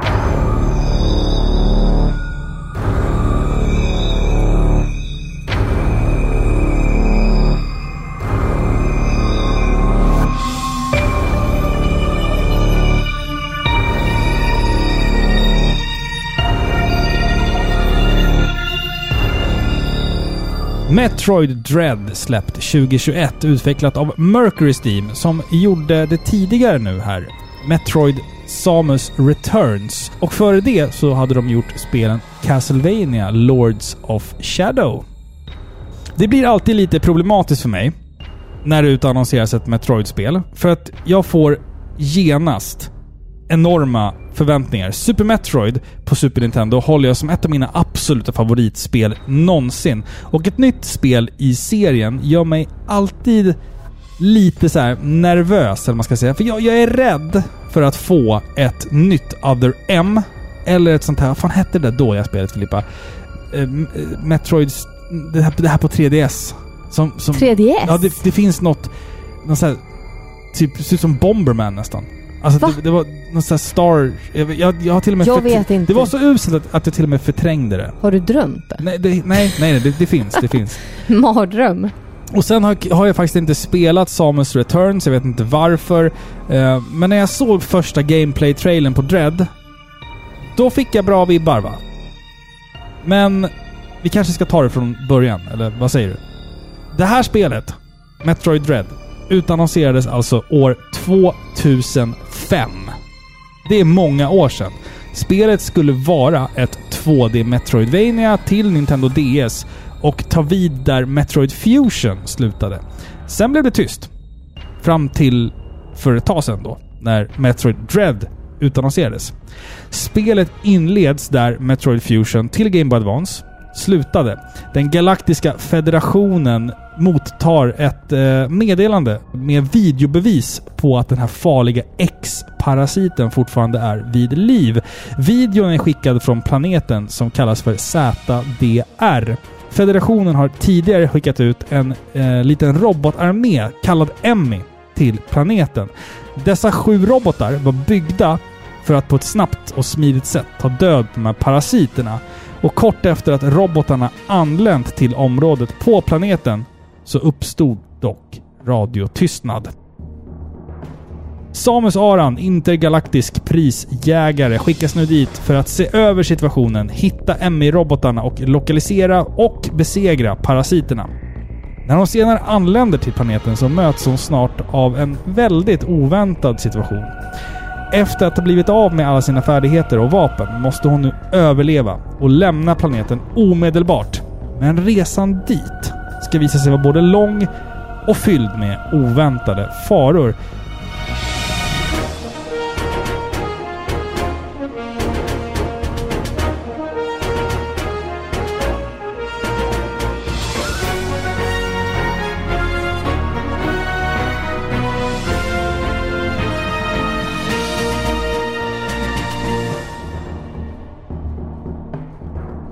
Ja, vad fan ska man säga egentligen om det här spelet? Alltså, som, jag- som jag sa. Jag har inte spelat Samus Returns till eh, 3DS. Jag spelade Metroid Other M för en himlans massa år sedan. Och innan dess så har jag spelat liksom Fusion och jag har spelat Prime-spelen. Eh, jag har haft en liten problematisk relation till Prime-spelen. Jag vet inte varför. Jag, de funkade aldrig för mig. Metroid i First Person funkade aldrig för mig riktigt. Nej, där har du svaret. Ja, jag, jag, tror, att jag, jag tror att det är det. Jag, jag diggar inte riktigt Det blev för med- nytt. Ja, Det var ett nytt koncept. jag, gillade, jag gillade storyn typ i Metroid Prime, men jag fastnade liksom aldrig för gameplayet. Fusion älskade jag. Det älskade jag jättemycket. Men fan, alltså Filippa, redan från start så känns det Metroid. Det, det känns verkligen Metroid. Alla element som gjorde Super Metroid till ett fantastiskt spel finns i Dread. Och dessa element är liksom så pass tidlösa att de håller bra än idag och gör en retronörd som mig varm i hjärtat. För det finns ju en, det finns någonstans också en motvillig önskan i mig att jag egentligen nog skulle vilja ha det här spelet i klassisk 2D. Alltså pixel 2D. Likt Super Metroid och Metroid Fusion. Jag tycker att de ändå har balanserat det ganska bra. Ja, Alltså, jag tänker så här, förlåt att jag avbryter dig, men det känns ju väldigt nischat att bara kunna skapa spel i 2D. Förstår ja du? fast det hade varit coolt att göra det nu. För nu är nu är man liksom Jo, förbi vet, 2D men- helt. Om man tänker så här, de vill säkert göra ett till spel efter det här. Man vet inte. Det kommer komma, men Det det, kommer ju det kommer komma. aldrig bli 2D Metroid igen. Nej, det kommer aldrig bli Super du Metroid. spelar ju ändå i 2D, du spelar ju inte i 3D. Nej, jag vet, men jag, jag vill ha pixelperfektionen som finns i, Super Metroid. Alltså man tänker så här, vad är framtiden för Metroid? Alltså det, det är ju så jag tänker. Liksom att det kommer ju inte bli, vi kommer ju aldrig få ett uh, sandlådespel alla Metroid. Förstår du? Det går ju inte. Alltså sandlådor som i ett enorm, enorm öppen värld. Liksom. Öppen värld. Ja, nej, nej, nej, nej, det går ju inte. och det är nej. mot det. Det är mot den, liksom, det är ju där spel Ja. tenderar att hamna nu för tiden. Jag säger, bara, jag säger bara att jag har drömmar om ett, ett Super Metroid 2. Alltså så här, som ska vara troget Super Nintendo. Jag vet att det finns en jättemassa coola ROM-hacks där ute där folk har liksom byggt egna Super Metroid-spel. Det är ascoolt. Men va, jag får väl bara nöja mig med det här 3.5D. Men det är det här- det är det här vi två- får. Vad fan är det? 2.5D? Alltså det, Det är det här vi får. det är, det är ett 3D-spel fast, Ja. fast side-scrolling, eller vad man ska Ja. kalla det för. Upplägget är ju liksom klassiskt Metroidvania som det kallas idag. Egentligen så ska man ju kalla det för klassiskt Metroid-upplägg, men i och med att Castlevania också har liksom dragits in i den där genren så heter den ju Metroidvania idag. Vi ska utforska en planet, besegra bossar och fiender för att få tillgång till olika förmågor som exempelvis dubbelhopp och annat för att kunna ta oss till nya områden och fortsätta utforska och besegra bossar. Och så går det runt sådär bara. Får jag bara säga vad Ja. orealistiskt det är egentligen med ett Metroidvania?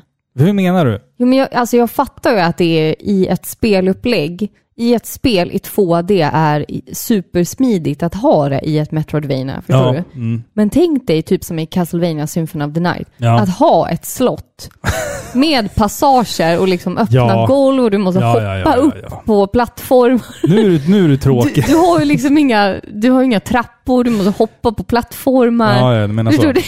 Du menar att det är opraktiskt att bo i en Det sån är plats? superopraktiskt Ja. och du har typ hundra våningar och du kan kliva ett steg fel och så ramlar du ner till liksom det här vattenfolket Det tar- ner i källaren liksom. Ja, det tar 45 minuter att gå från köket Ja, till matsalen. Det är Liksom. lite jobbigt Du va? måste passera den där passagen med en Cthulhu. Eller hur? Det är ju därför de inte går att göra i 3D. Nej, jag för det fattar hade det. blivit Jag fattar det. jättedumt. Ja. Men i det här spelet i alla fall, alltså utforskandet är ju fortfarande spännande och faktiskt, om jag ska säga det, lite smått eh, briljant. Det, det, alltså, delvis är det för att det är spännande att hitta nya områden som leder till nya områden och så vidare och så vidare. Men också för att man alltid känner sig så jävla assmart när man hittar det lilla, hålet i väggen som man inte såg första gången. Utan man går tillbaka och så bara Vänta nu, det där ser lite suspicious ut. Och så, åh fan! Det var dit jag skulle. Dock så finns det många områden som är rent designmässigt, alltså ganska lika varandra. Så jag, I början av spelet så virrade jag runt jättemycket och jag gick i cirklar i säkert två timmar. Utan att jag visste att jag gick i cirklar. Tills jag liksom så här, men vad fan, det här stället har jag varit på. Men, alltså du vet, kartan är... Alltså kartan är enorm. I Super Metroid så vet man liksom att okej, där är vattenområdet, där är det där stället, där är växtriket och sådär. Här, här är det, det är så jävla smällstort. Total limbo. Det, alltså det är jätte, jättestort. Du ritade ju faktiskt en karta. Jag blev lite imponerad av dig Robin. Ja, men jag, jag var tvungen att göra det. Det kändes väldigt Ja. old school. Ja men, jag, Förstår jag, du? ja, men precis. Och det är det jag gillar. Att det är så här, visst, jag har ju kartan genom att bara trycka på, på, liksom, på paus. För att få upp den här kartan då och se vart jag utforskar. Men där kan du ju inte men den, Nej, men anteckna. den kan jag inte anteckna på. Vet du. Så jag var tvungen att ha sak. liksom, penna och papper och skriva upp så här. Där har jag sett en raket. Och jag, vet, jag vet inte hur jag ska kunna ta den där raketen. Jag älskar sånt alltså. Det som är grejen med det är att du, du ibland måste liksom backtracka långt, långt tillbaka för att plocka upp två missiler. Men det är så här, det är typ värt det för det, det, det är kul det är kul gameplay. Det, det känns inte som en uppgift att gå och hämta de där missilerna, utan det är kul att gå och hämta missilerna. Och det tycker jag är det generella temat i det här spelet, att det känns hela tiden... Det, det är kul. Vad du än gör så känns det kul, för att Samus är... Hon är rörlig på ett sätt som hon aldrig har varit förut. Hon är snabbare. Det är liksom också adderar ju ett nytt element av underhållning till det här spelet. Att, att vi nu kan liksom... Um, springa skitsnabbt och vi kan hoppa ashögt och man känner sig som en jävla ninja i det här Lite spelet. redan från början, eller hur? Ja, alltså... du kan väl göra ja, typ henne- ett henne- dubbelhopp? Ja, henne, nej, det kan du inte göra. Men hennes fart framförallt. Och att man kan counterattacka med en knytnäve. Det har, man, Oh. det har man aldrig kunnat gjort förut. Och man kan liksom swoosha, alltså nästan teleportera sig från ett, Oh. en sida av rummet till den andra sidan av rummet. Det tyckte jag var otroligt häftigt. Och vi kommer komma in på det snart här lite med, med actionscenerna här. Men jag vill bara säga att jag, jag, apropå kartan, så älskade jag vattendelen av kartan. För likt Super Metroid så måste det finnas ett, ett vattenområde va? Och alltså Maridia i Super Metroid är typ bland det vackraste jag sett i hela mitt liv. Alltså både till grafiken, stämningen och, och, och Är musiken det den som och har allting. den bästa musiken? Ja, ja, ja. Ja, ja, ja. Man, man kan bara gå runt där. Alltså, Ja, det är så man, liksom, man kan bara gå runt och titta på saker. Det är så otroligt mysigt. Och den känslan tycker jag ändå att, att man försöker förmedla i det här spelet också. Det, det är svårare med- med 3D, tror jag, än att göra det i 2D som, som Super Metroid gjorde. För där var det liksom den här, den här bakgrunden i Super Metroid i, i Maridia som liksom svajar med vågorna. Alltså vet, sådana saker, det, det går typ inte att få till på samma sätt i Nej. 3D. Det blir inte samma mystik på något sätt. Men de försöker och de, de lyckas ändå ganska bra tycker jag. Man, man känner sig oavsett ganska utlämnad och ensam och det tycker jag är en, en stor del av, av Metroid-spelen generellt. Att man ska, man ska känna sig lite ensam. Ja, men det är klart. Hon är väl eh, baserad lite på Ellen Ripley. Ja, Den löst. kvinnliga Ja, antagonist, eller antagonist, protagonisten. Protagonisten i Alien. Ja. Eller hur? Att man är ensam. Mm. Det hade ju inte blivit ett Metroid-spel om man typ så här stannade till och bara, åh, en kiosk där jag kan köpa pottor. Pottor. potions. Jaha, du, okej. Ja, du pratar WoW-språk här alltså. Vadå WoW-språk? Det är ju Pot- så du... Pottor säger man i, inte i Final Fantasy, där jag kommer ifrån. Det är Va? du som har sagt pottor. jag har inte sagt pottor. Det är en, du som säger en pottor. potta, det är en potion. Potion! X-potion. ja, det kanske är... eh, Ja, det är du, från din jävla... Men WoW, där, anv- där använder man inte pottor. Oj, förlåt mig. Man använder inte potions, man har ju Nej. healing Ja, ja, ja, abilities. ja, ja. Okej. Ja, ja, ja. Men det hade ju inte funkat om du träffade på folk, utan det är ju själva temat med isolering och klaustrofobi och att du är utlämnad. Mm. Det är det som är själva grejen. Jo, jo, jo, absolut. Och får man inte fram det i ett spel så då är det inte ett Metroid. Nej, nej det, det ligger någonting i det faktiskt. Men det, det som man ändå försöker göra någonting nytt av, som jag sa, Samus är ju snabbare än någonsin och det är fienden också.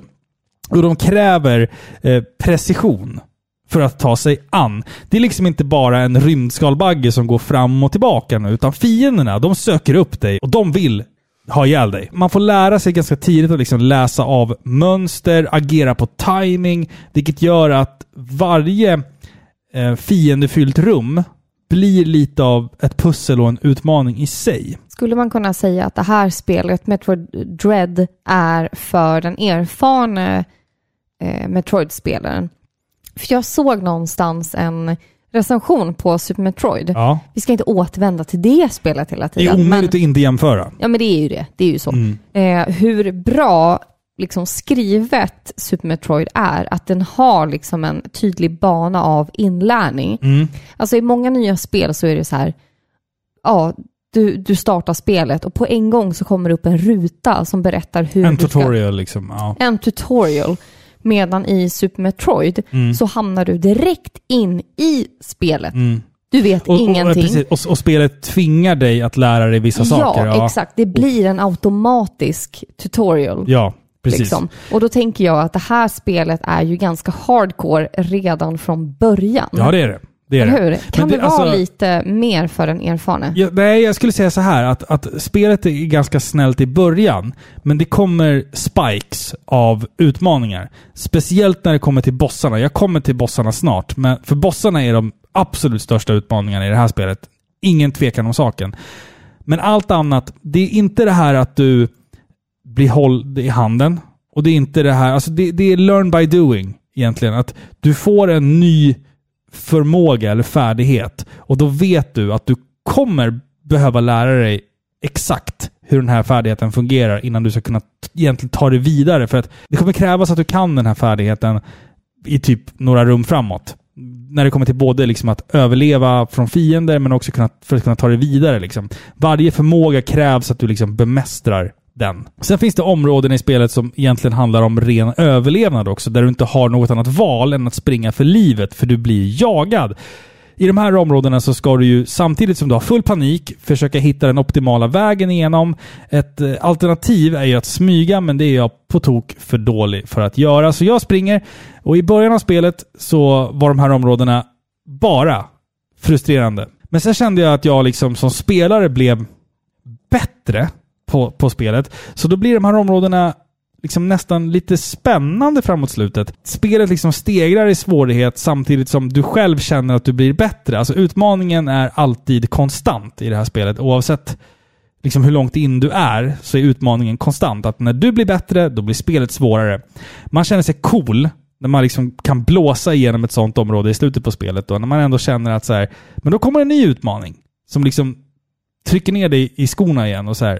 Du tror att du kan det här spelet? Nej, nej, nej, nej, nej. Nu ska du lära dig det här Det är också. ett jantelagsspel. Ja. Tro inte att du är något. Precis, exakt så är det faktiskt. Hela tiden.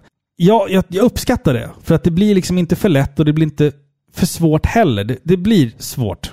Alltså, men inte... Fast du har skrikit ett helt del. Men ska vi prata om bossarna då? Och- Ja, och men kör. Okej. Bossarna, ja alltså vad fan ska man säga om dem då? Alltså en del är jävligt svåra.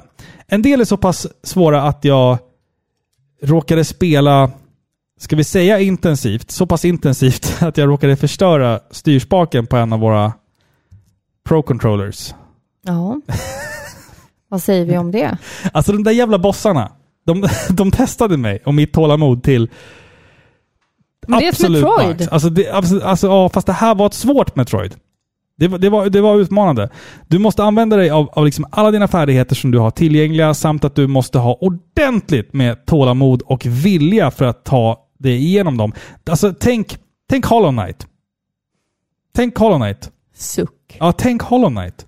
Ungefär så är det bitvis i det här spelet. Att det, det, det är precision och tålamod bara. Learn by doing. Tungan rätt i mun. Det är det som var lite konstigt med det här spelet. Trots att jag fick liksom stryk av en boss typ 15 gånger på raken. Ibland på bara några sekunder. Så var jag död. Men, men jag slutade inte spela. För bossarna gjorde mig så in i helvete förbannad. Men ändå så hade jag på något sätt något så här kul. Alltså, Men jag har en teori. ja. Och det är just för att man ser ju själv vad man har gjort för fel. Mm, Alltså det är en sak att gå in och bara bli totalt slaktad av Ja. en fiende och då tänker man, okej jag måste grinda mer. Ja, ja, ja. Alltså sådär, jag saknar någon förmåga, det här går inte, jag är för dålig helt Mm. enkelt. Eller så är det så här att de här fienderna har ett mönster och det är så uppenbart att dör du så är det ditt eget fel. Så är det i det här spelet. Ja, Ja. du ser vad du gör för fel och det gör dig irriterad. Alltså det här, det, det stämmer ju för alla Mm. Ja, man, blir oss. liksom. på, man blir arg på sig själv. Ja, det är varför, det som är varför grejen. gjorde jag inte så för? Jag, jag ska ju göra det här. Och till sist då sitter man liksom så här 20 centimeter från skärmen Ja, ja, typ ja. och bara... ja, ja, ja. ja. "Åh." Men det, alltså det är få spel som, det är verkligen få spel som kan få mig att känna en sån hatkärlek till både spelet och till mig själv. Jag visste ju hela tiden att jag kunde klara den där jävla bossen, men det krävdes bara 50 försök. Och sen, sen finns det en del bossar som är liksom återkommande så att säga. Och de här bossarna är framåt slutet på spelet otroligt, och då menar jag verkligen otroligt, utmanande. Och då, alltså, eller på svenska, de är jävligt svåra. Men fortfarande så är det samma regler, att det handlar bara om att du måste veta vad fan du håller på med. Det är bara det det handlar om. Och i och med det så kommer vi till ett moment som faktiskt stör mig. Det här har ni väntat på. Ja. Mm. Okej, vi säger så här. Jag sparar spelet. Jag kanske utforskar fyra eller fem stora rum, lite korridorer. Ramlar ner i ett hål i marken och tvingas möta en boss. Jag kan inte återvända tillbaka. Där hade jag stängt av. Men vänta nu, vänta nu. Jag dör, trycker på continue, men får börja precis innan bossen. Jag kan alltså inte återvända för att spara, fylla på raketer och allt sånt där. Jag är fast i limbo här. Jag kan ju ladda från det jag sparade senast, men då går jag miste om en massa progress. Jag kan förstå att man gör sånt här någon gång. Detta hände mig typ fem gånger i spelet. Jag ramlade in på en boss. Tvingades liksom att så här, do or die. Klara bossen nu eller stänga av och förlora en massa progress. Vet du, du får skydda dig själv. Och det var därför jag du- satt med det här spelet till två vissa nätter.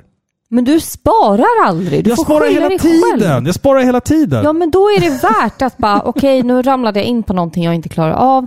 Jag loadar. Ja.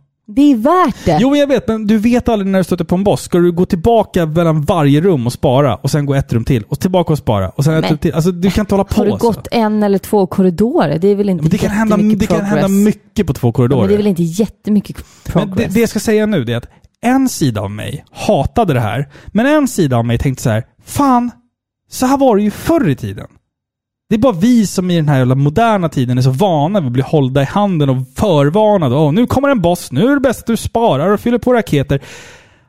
Antingen så tycker jag verkligen så här, eller så är det bara att jag vill försöka se det här som ett perfekt designat tv-spel där de här händelserna är 100% planerade av spelskaparna. Vad fan vet jag?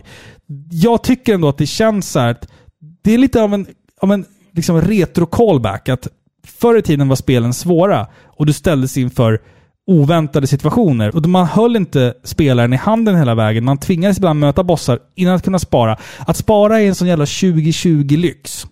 Som vi tar för givet. 2020? 2021. Förlåt. 2021-lyx. Som vi tar för givet. Det kanske man inte ska göra i sådana här spel. Men vad då? Ska vi säga så kan vi gå tillbaka till tre i rad. Nej men det, Med det, det, krita. det jag menar är att det här spelet flörtar lite med att vara hardcore svårt. Det är ett svårt spel, men det flörtar också med att vara hardcore svårt. Absolut, men det är ju en av de spelen som har släppts under de senaste åren Mm. som faktiskt är sådär jätte, jättesvåra. Till exempel Hollow Knight. Ja, precis. Jo, men det flörtar lite med den genren. Du Alltså- hade ju älskat Hollow Knight Nej, då. jag, är, jag, är, jag har testat Hollow Knight och det är på tok för svårt för mig. Det Det här är spelet var lättare än Hollow Knight. Va? Det ska jag säga. Men det Då var, kanske jag klarar det var, det var jag ändå... Det var ändå Okej, utan, utan att spoila slutet. Sista bossen var fan inte Child's Play. Alltså det var, det var, Det var svårt. det var svårt. Ja. På, alltså på riktigt svårt. Men då Du- det- räknar alltså, de ju med att du ska ha skaffat på dig tillräckligt Jo men jag med hade för fan, erfarenhet. jag hade nästan allt Ja. man kunde ha. Men vet du vad tricket för mig var på den här bossen? Det var att sluta titta på min egen, på min egen karaktär. Sluta kolla på Samus. Kolla bara på bossen gör. Hela tiden.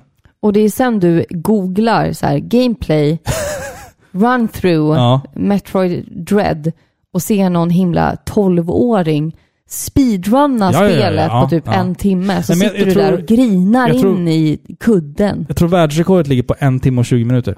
På hela spelet. visst blir man det är vansinnigt. Men det, det jag menar är att man, man i det här spelet, ett pro-tip från mig då, det är alltså att titta på bossarna och fienderna och, och sådär. Titta inte på vad du själv gör, utan lev dig in i Samus och titta bara på vad bossarna gör. Det låter som när man ska övningsköra. Titta inte på din bil, håll Nej, lite det, långt det, det, fram. det är exakt, det är exakt så. Det är exakt så. Ja. Titta på, långt fram istället för att titta på dig själv. Som att köra bil. Det är alltså. lite som att köra bil. Ja.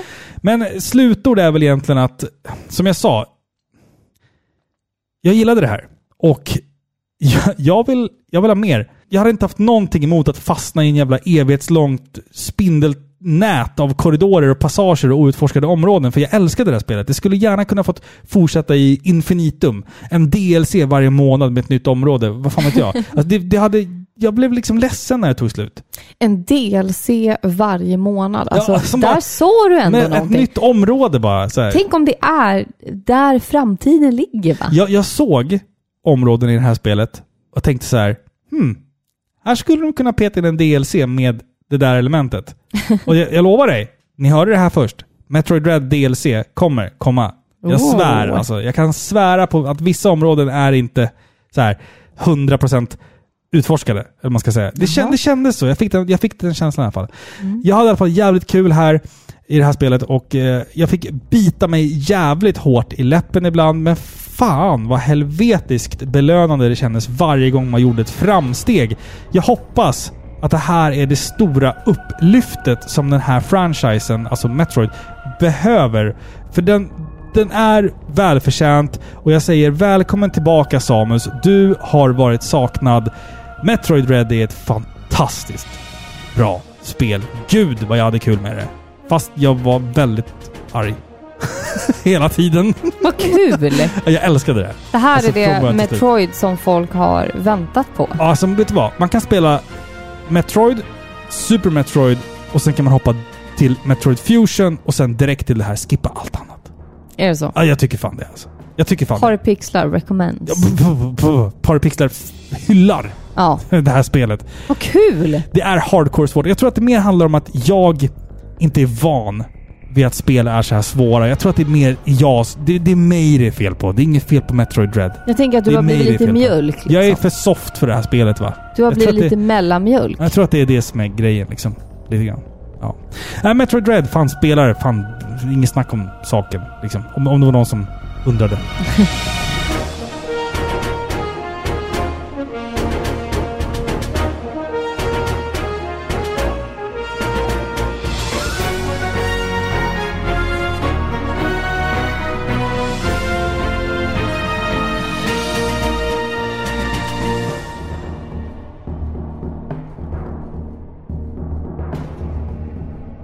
Det var allt vi hade att bjuda på för idag.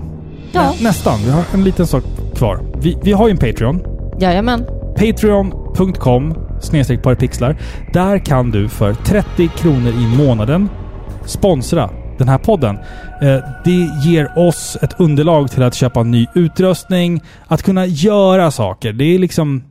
Det är lite det som håller det här vid liv ibland. Ja, Liksom. gillar ni ljudkvaliteten på podden så är det ju tack vare er Patreons. Ja, exakt. t- som ett exempel. Exempel bara, precis. Nya mickar, nytt mixerbord, fan. Det, det kostar grejer. Det, det kostar pengar att hålla igång den jävla hemsidan och grejer och tid och sådär. Så att det, det känns superkul att det är så många som har anslutit sig till Patreon. Och icke att förglömma, vi har en ny Patreon.